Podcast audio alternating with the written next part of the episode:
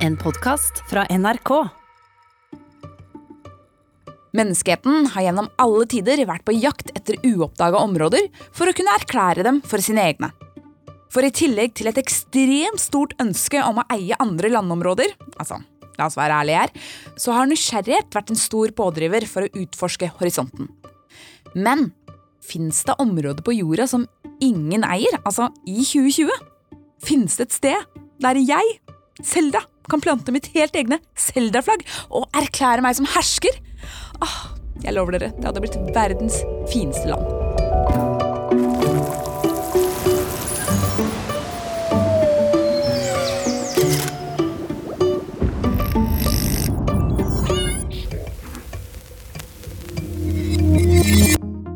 Velkommen tilbake til en ny episode av Smartere på ti minutter, der jeg, Selda, forteller deg om fakta, vitenskap, historie og andre morsomme temaer som gjør deg nettopp det, bitte lite grann smartere, og helst innen ti minutter. Ah, yeah! Nå syns jeg at du skal ta på deg oppdagerhatten og svinge pisken som Indiana Jones, for i dag skal vi snakke om landområder ingen eier. Og de fins det to av. Takk for at du hørte på. Nei da, ok. Hvis du har tenkt å erobre det første, da bør du pakke varmeflaske, skjerf og kakao, for dette stedet ligger vest i Antarktis. I dag så heter dette området Marie Birdland. Og det er så øde og ubrukelig at ingen land i verden ønsker seg det.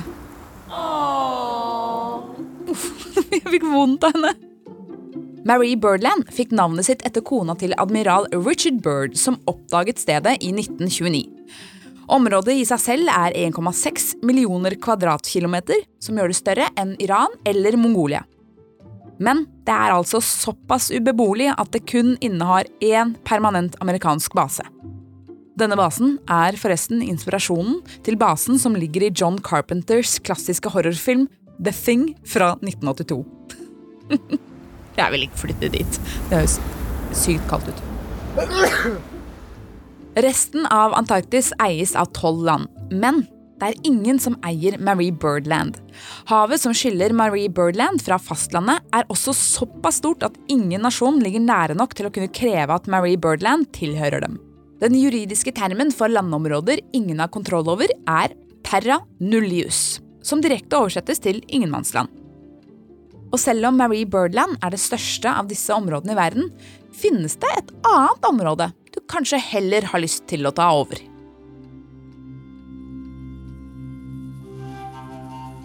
Da bør du i så fall legge igjen ullundertøyet, skifte til shorts og smøre deg med solkrem. Det er nemlig en liten del av Afrika som innehar samme status. Bir Tawil-triangelet mellom Egypt og Sudan får ligge helt i fred.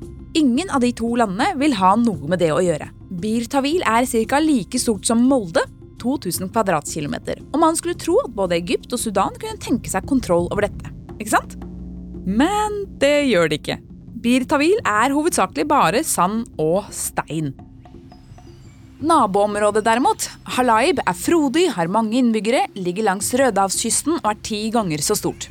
Det er Egypt som har kontroll over dette området, fordi det britiske imperiet ga det til dem da de trakk opp grensene med rette linjer i 1899. Sudan mener derimot at det er de som eier det, ifølge en omtegning av grensene med naturlige linjer som følger landskapet, sånn som grensen mellom Norge og Sverige f.eks. Denne omtegningen ble utført i 1902.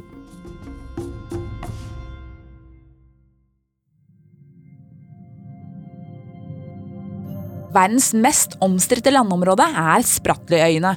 En øygruppe som består av 750 ubebodde øyer i den sørlige delen av Stillehavet. Dette er totalt fire kvadratkilometer med land spredt utover Wait for it 425 000 kvadratkilometer med hav. Lite land, men masse hav.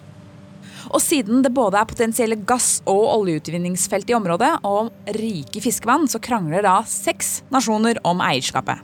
Vi har Filippinene, Kina, Taiwan, Vietnam, Malaysia og Brunei. Come on, people. Med unntak av Brunei har alle de fem andre nasjonene utplassert militære styrker i området. Og for å forsterke sitt krav på eierskap, så har Filippinene en roterende gjeng med kommunalt ansatte som bor på en av Spratly-øyene. Og tro det eller ei, det er visst ikke en spesielt attraktiv jobb. Sjarmen ved å bo på en mikroliten tropisk øy som det er mulig å gå rundt på 20 minutter, forsvinner fort. Så det finnes altså to områder i verden du kan erobre hvis du vil. Et enormt isøde i Antarktis, eller et tørt og ubeboelig og ørkenområde mellom Egypt og Sudan. Det er altså mulig, selv i 2020, å være en moderne Christoffer Columbus eller Fridtjof Nansen. Det er helt opp til deg hva du velger, is eller sand.